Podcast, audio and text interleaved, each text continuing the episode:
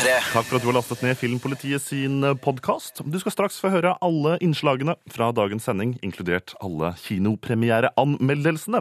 Men vi har bare minne på at du også kan gå inn på p3.no skråstrek filmpolitiet for å ikke bare lese anmeldelsene, du kan se videoklipp og ikke minst si din mening. Har du sett en av ukas filmer, så vil vi veldig gjerne høre hva du mener. Her kommer dagens podkast.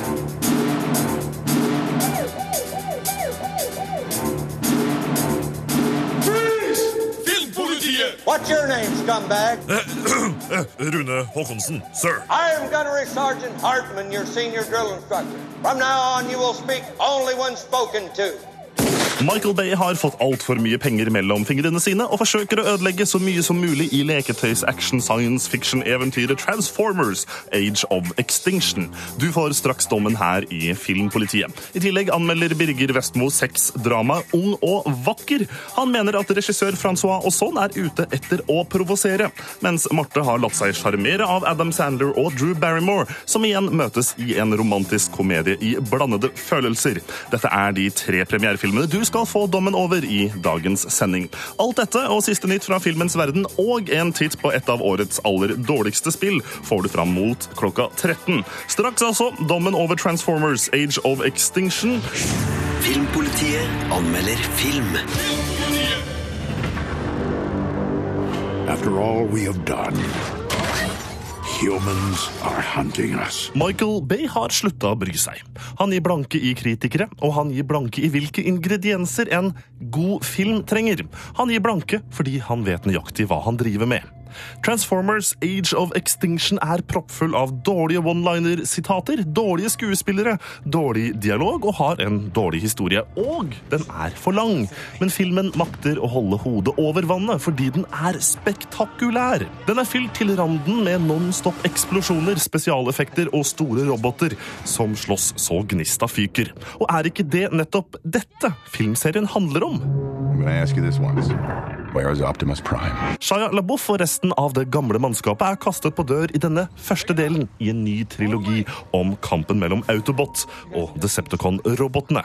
Cade Yeager, middelmådig spilt av Mark Wahlberg, er alenepappa for den altfor tynnkledde 17-årige jenta Tessa, spilt av Nicola Peltz.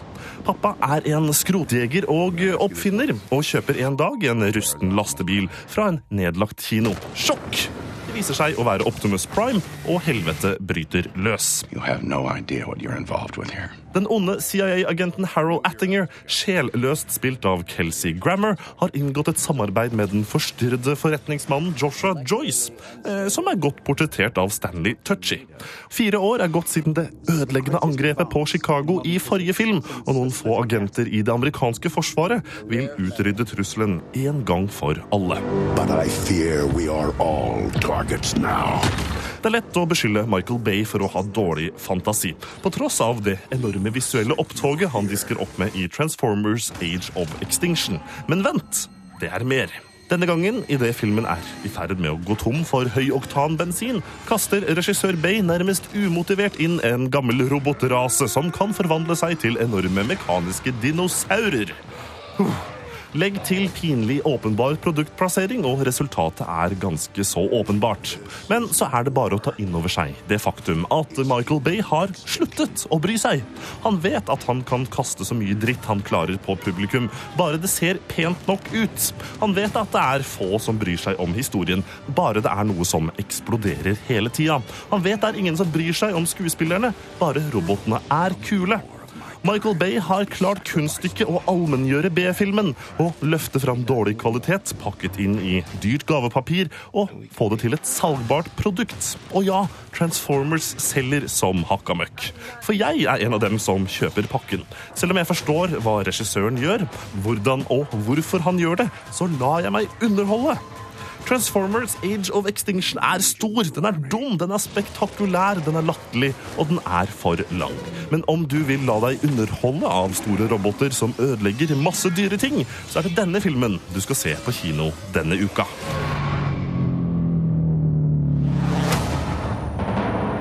Terningkast 3. til Transformers Age of Extinction. Debatten er allerede godt i gang på våre nettsider p3.no filmpolitiet. Klikk deg inn og si din mening.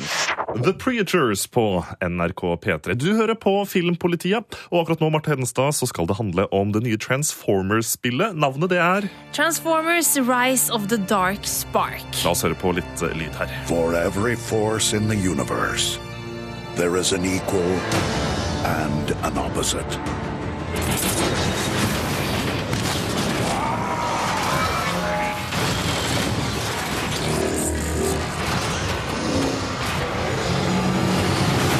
Ja, Det høres jo i hvert fall storslagent ut, og hvis vi skal ta kinofilmen og dømme, altså Transformers Age of Extinction, så er det storslått, eh, bra grafikk og ikke så mye story, eller, eller jeg tar litt feil her nå? Um, det er verken storslått, bra grafikk, men du har riktig på at det ikke er så mye story. Vi har Ja. anmeldt de tidligere spillene i Transformers-serien, gitt eh, to terningkast fire så langt. Eh, Hvordan eh, måler da det, det nye spillet seg opp mot de gamle? Ja, det, er, det er ganske så mye dårligere, for nå er det nå en ny utvikler som har tatt over for øh, High Moon, øh, som øh, lagde de forrige spillene i den Cybertron-serien.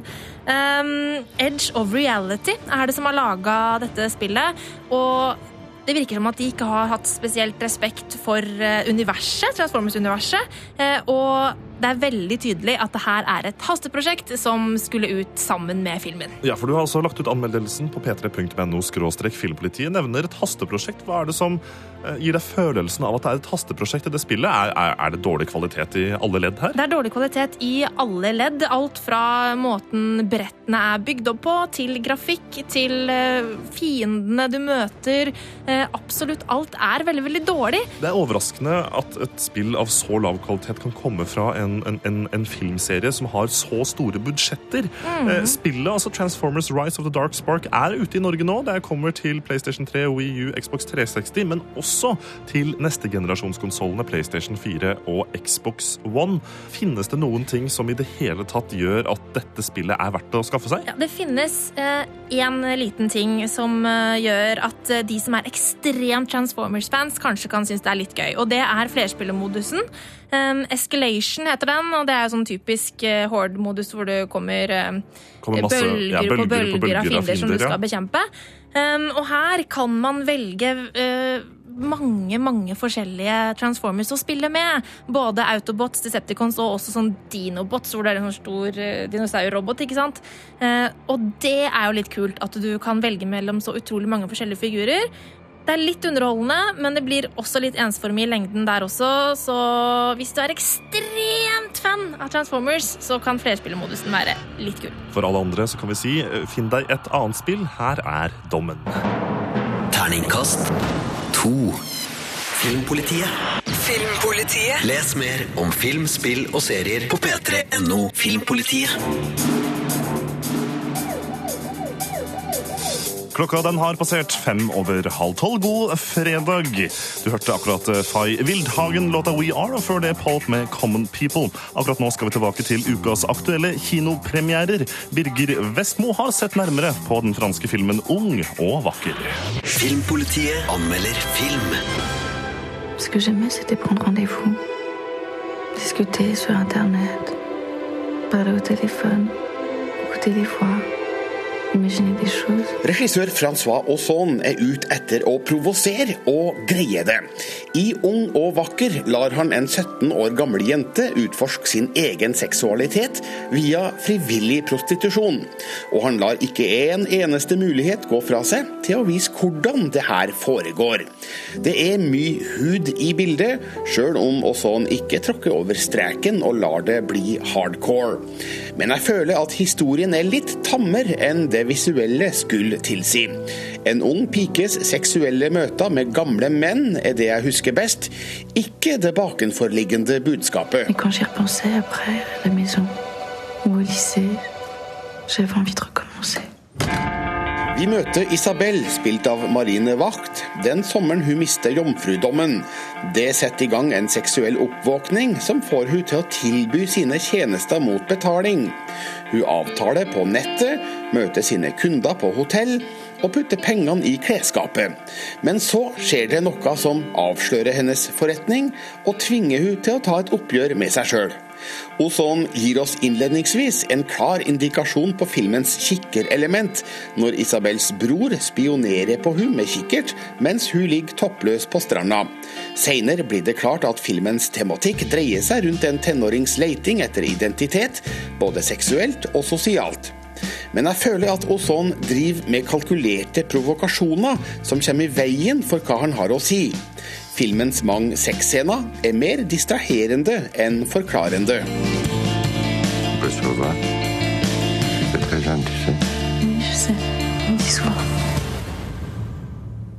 Votre fille mène une double vie, madame. Francois Ozon forteller historien over fire årstider med fire sanger. Det er et unødvendig formgrep. Årstidsinndelinga har ingen effekt. Sangtekstene er fulle av enkle klisjeer og billiggjør filmens dramatikk. Den hadde vært bedre uten. Ellers er den smakfullt filma, og Marine Wacht gjør en sterk og modig hovedrolle. Det blir klart at Isabel har noen problemer som resulterer i atferden. Wacht spiller hun som stille og inneslutta, med en uforklarlig smerte som drivkraft. Ung og vakker er ikke blant Francois Aussons beste filmer, men er en ærlig provokasjon omkring ung seksualitet. Han kan kanskje beskyldes for å være en gammel gris, og ærlig talt følte jeg meg som en da jeg så filmen, men det er ikke til å komme unna at det er noe interessant på gang her. Og Marine Wacht er et nytt, spennende filmansikt.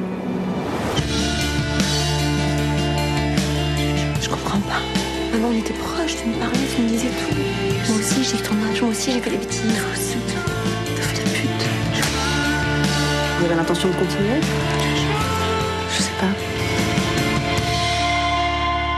Et vous avez quel âge vraiment? 17 ans. 17 ans. Bel âge. Terningkast fire. Klokka straks ti på tolv. God fredag, jeg heter Rune Håkonsen, og dette er Filmpolitiet. Du hørte nettopp Cantham Wake the Fuck Up, og før det Azalea og Charlie XCX, låta Fancy. Filmpolitiet. Mandag denne uka ble det klart at regissør JJ Abrams har ansatt enda to skuespillere til den syvende Star Wars-filmen. Ikke nok med det, de to er helt ukjente og hentet fra de åpne audition-rundene, hvor over 37 000 forsøkte å spille seg til en rolle i den svært påkostede science fiction-filmen. Det er ikke kjent hvilke to roller Pip Anderson og Crystal Clark vil få, men BBC spekulerer i at det dreier seg om sentrale roller for de to ferske ansiktene. Transformers Age of Extinction fikk terningkast tre her i Filmpolitiet, og svært hard medfart av amerikanske filmanmeldere. Filmen går likevel så det suser, og tjener inn hundrevis av millioner kroner over hele verden. Spesielt i Kina, hvor filmen nå er den mest innbringende noensinne. Over 1,5 milliard kroner har Michael Bay sopet inn i midtens rike. Filmpolitiet på P3. An illegal human cloning trial. There's nine of you. No. TV-serien Orphan Black hadde en trang fødsel, men takket være sosiale medier og venneanbefalinger er seertallene gått i taket. Sesong to avsluttet i juni med så sterke tall at også sesong tre nå er bekreftet. Serien handler om Sarah Manning som begynner å oppdage en rekke kloner av henne selv. Nintendo-helten Donkey Kong fylte 33 år på onsdag denne uka. 9. juli 1981 så den populære spillapen lyset for første gang i en arkadehall i Japan. Filmpolitiet gratulerer. Filmpolitiet på P3. Om seks minutter skal du få ukas Blu-ray og DVD-anbefaling.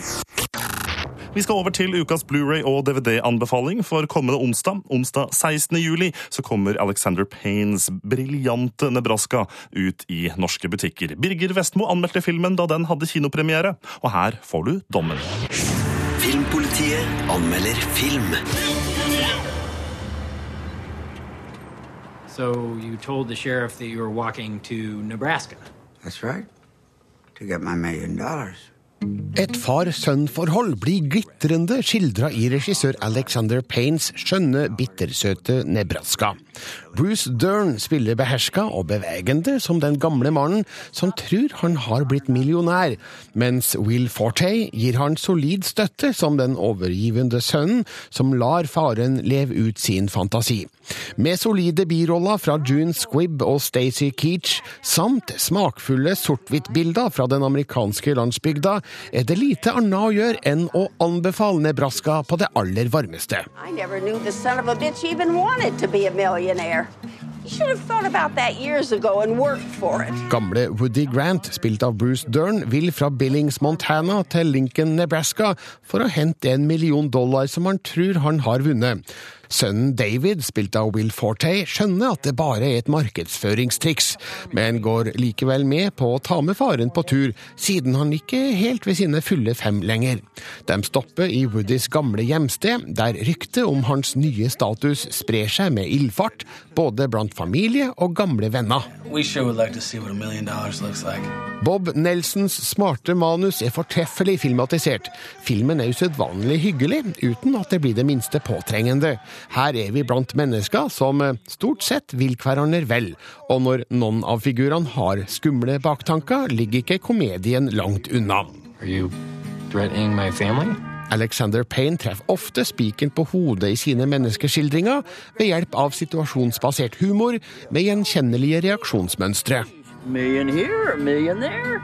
Well, the newspaper's gonna do a big write-up on you. Bruce Dern storspiller i en rolle der han må spille en figur med svekka følelsesregister, i hvert fall det som er synlig utad. Men ved hjelp av blikk og små gester formidler Dern at det foregår ting under overflata. Woody bearbeider gamle traumer, følelser og problemstillinger, sjøl om det ikke er så enkelt å se det på han.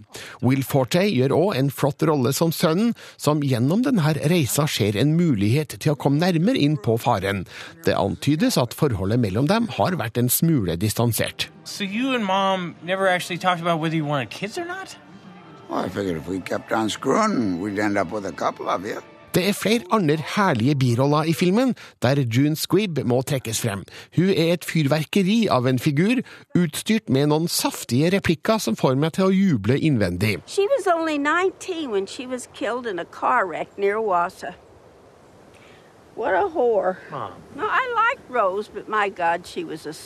Historiens utvikling utforsker hvordan frynsete familiebånd aldri helt brytes.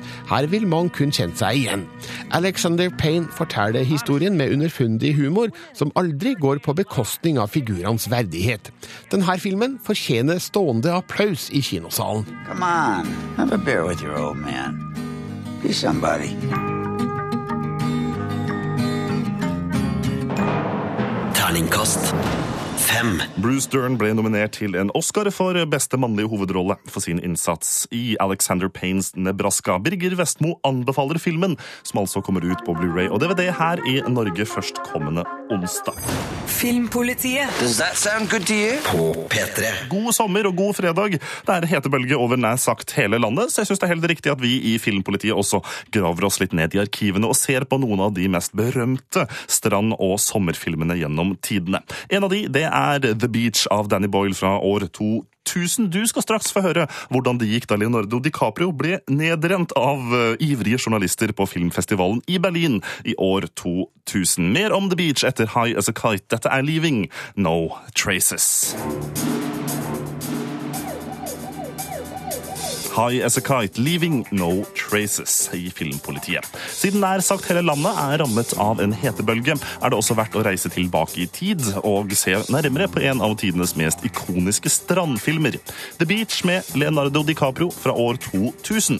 Filmjournalist Einar Gullvåg Staalesen var til stede på premieren under filmfestivalen i Berlin samme år. Eh, DiCaprio var, og er på mange måter fortsatt, en av verdens største stjerner, noe som gjorde at den berømte strandfilmen kom i skyggen av den berømte skuespilleren. Dyrkingen av Leonardo DiCaprio og noen få andre stjerner er blitt en trussel mot filmene.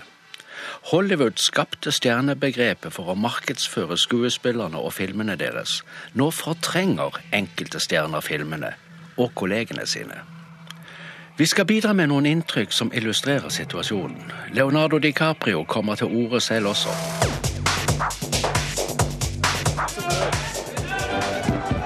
Be quiet, please.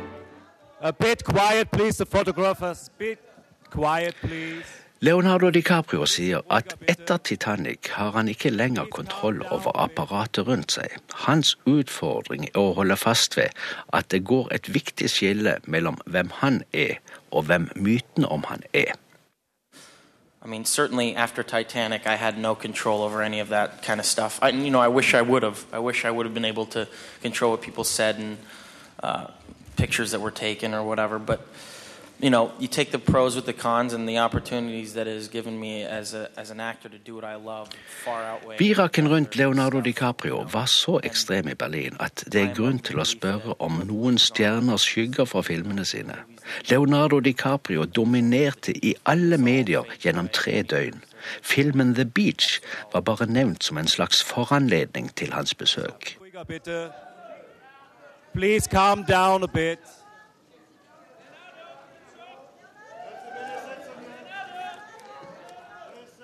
Please sit down and please calm down. Det var trengsel til det sikkerhetsmessig uansvarlige på pressekonferansen. Og spørsmål som kunne få en til å tro at alle journalistene kom fra de forskjellige nasjoners varianter av det nye å se og høre.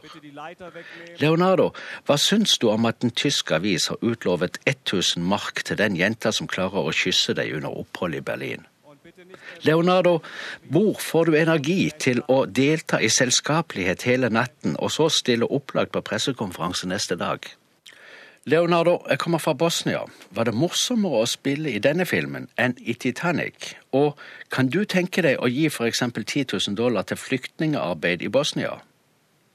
Etter en del minutter ber pressekonferansens leder journalistene stille spørsmål som er relevante for filmen. Right side. Etter enda noen minutter gjentar han anmodningen. Så griper festivaldirektør Moritz de Hadelen inn. Det har han aldri gjort på en pressekonferanse før, når han ikke selv har ledet den.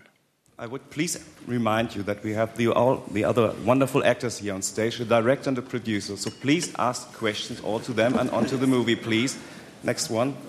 I would just like to say the following by me as director. We're all delighted to have Leonardo here, but it's not only his private press conference. We're talking about a film called The Beach. So it would be nice if questions could be asked about the film in which Leonardo is one of the actors. And the director is also here.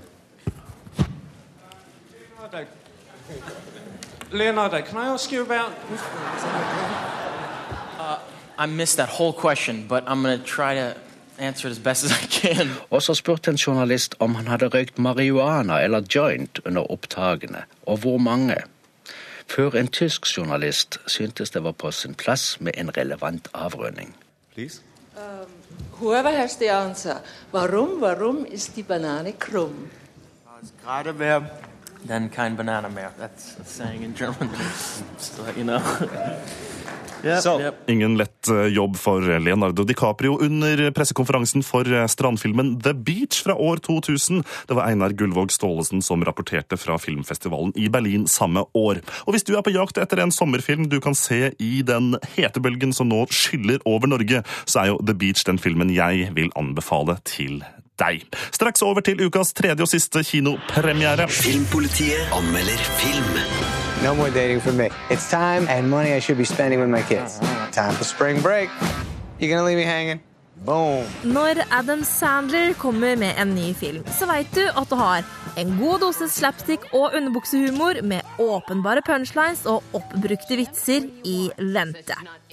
Men når Sandlers motspiller er Drew Barrymore, så kan du også være sikker på at du får med deg en dæsj hjertevarme oppi blandingen også. My mom is friggin' hot. Ew, no, not hot. That's just wrong. Den romantiske komedien Blandede følelser gir deg nettopp en god dose slapstick og underbuksehumor med åpenbare punchlines og oppbrukte vitser.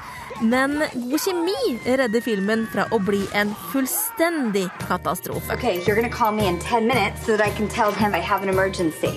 Handlingen i filmen er som tatt ut av filmpolitiets Adam Sandler filmplot-generator. Alenepappaen Jim, spilt av Sandler, møter alenemammaen Lauren, spilt av Drew Barrymore, på en blind date. Og den går selvfølgelig fullstendig skeis. Og Jim og Lauren sverger at de aldri vil ha noe med hverandre å gjøre igjen. Men så er det duket for forviklinger når de to skal på ferie med barna sine, og ender opp med å bli plassert sammen på et familieresort i Afrika. Her prøver de å unngå hverandre og bedriver ablegøyer inntil de innser at de egentlig elsker hverandre. Da skjerper de seg og kommer ut av det som mye bedre mennesker. Nei, det er ingen som vinner noen Oscar for beste manus her med det første. Og det vanker heller ingen priser for kreativ og nyskapende humor. Du klarer lett å forutse utfallet av hver eneste scene i filmen, og du vet akkurat hva Sandley kommer til å si på slutten av hver eneste vits. Blandede følelser er full av panneklassøyeblikk når det blir for mye Sandler. Men den har også flere genuint morsomme øyeblikk. Lou, den nusselige yngstedattera til Jim, spilt av Olivia Lind, står for mange av høydepunktene, men det er likevel samspillet mellom Barrymore og Sandler som redder filmen. For duoen har unektelig svært god kjemi. Filmen er på sitt beste når de to utveksler replikker, og etter hvert som romantikken eskalerte, ble jeg faktisk også rørt. Helt på ekte. Weirdness. Blandede følelser er ikke så ille som mye av rælet vi har sett fra Sandlers produksjonsselskap Happy Madison de siste åra. Tross mye dårlig Sandler-tull er det nemlig hjertevarme her, og det kommer du langt med. Even in nature, there are blended families. Sweet. I may have misread that situation.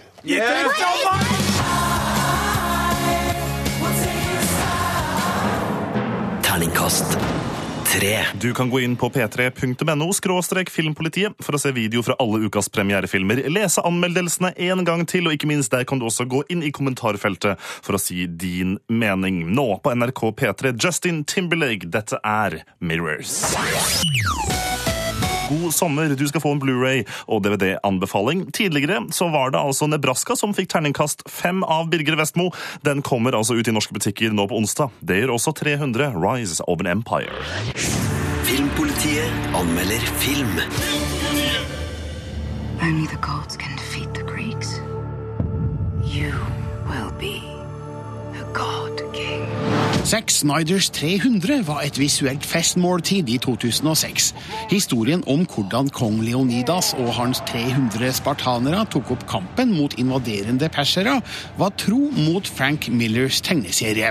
Nå kommer oppfølgeren 300 Rise of an Empire, og sjøl om også den er full av digital blodsprut i slow motion i et stilisert tegneserieunivers, er sjette før-følelsen litt for høy, og savnet av Gerard Butlers kong Leonidas litt for stort. Leonidas and the brave 300 are dead. Mens den første 300-filmen fokuserte på kong Leonidas og hans krigeres kamp mot de invaderende perserne, utvider 300 Rise of an Empire horisonten og forteller hva som skjedde rundt slaget, både før og etter. Generalen Temistokles, spilt av Sullivan Stapleton, bekjemper perserne på havet, men fienden ledes av tøffe og hensynsløse Artemisia, spilt av Eva Green.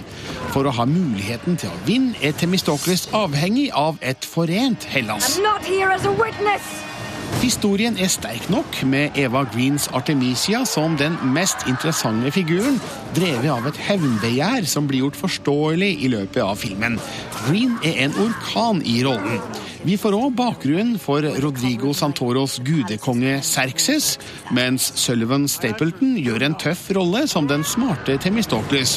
Samtidig er savnet av Gerard Butlers kong Leonidas merkbart, og forsterkes av enkelte arkivklipp fra den første filmen. En såpass glatt historie trenger et sterkt midtpunkt, men Temistokles er dessverre ikke i nærheten av å matche Leonidas.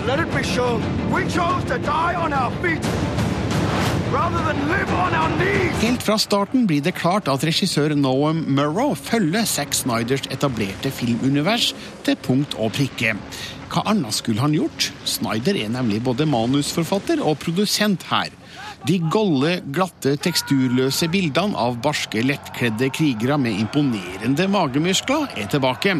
Det eneste nye er at alt er konvertert til 3D, med vekslende suksess. 3D-effekten går ut over kontrastnivået og gir filmens digitale landskap et uvelkomment gråskjær.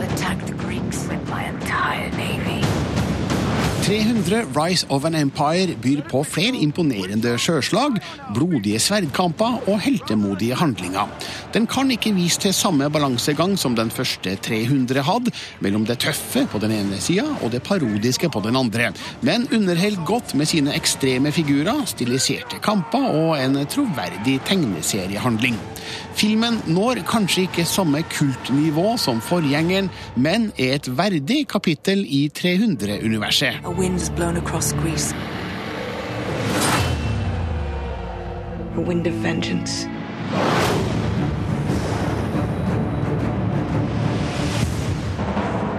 Terningkast fire. Les mer om film, spill og serier på p3.no Filmpolitiet. Filmpolitiet hver fredag fra 11 til 1 på P3. Klokka nærmer seg ett. Det betyr at Filmpolitiet skal parkere patruljebilen for denne gang. Men husk at du kan gå inn på p3.no filmpolitiet for å se videoer og ikke minst diskutere alle våre anmeldelser. Husk også at vi har en podkast som kommer ut eh, litt etter sendingen nå. Den kan du laste ned og høre når du vil. Jeg heter Rune Haakonsen, sier god fredag, god sommer. Dette er St. Lucia fram mot nyhetene klokka ett. Låta heter Elevate. Ha det bra! Hør flere podkaster på nrk.no podkast.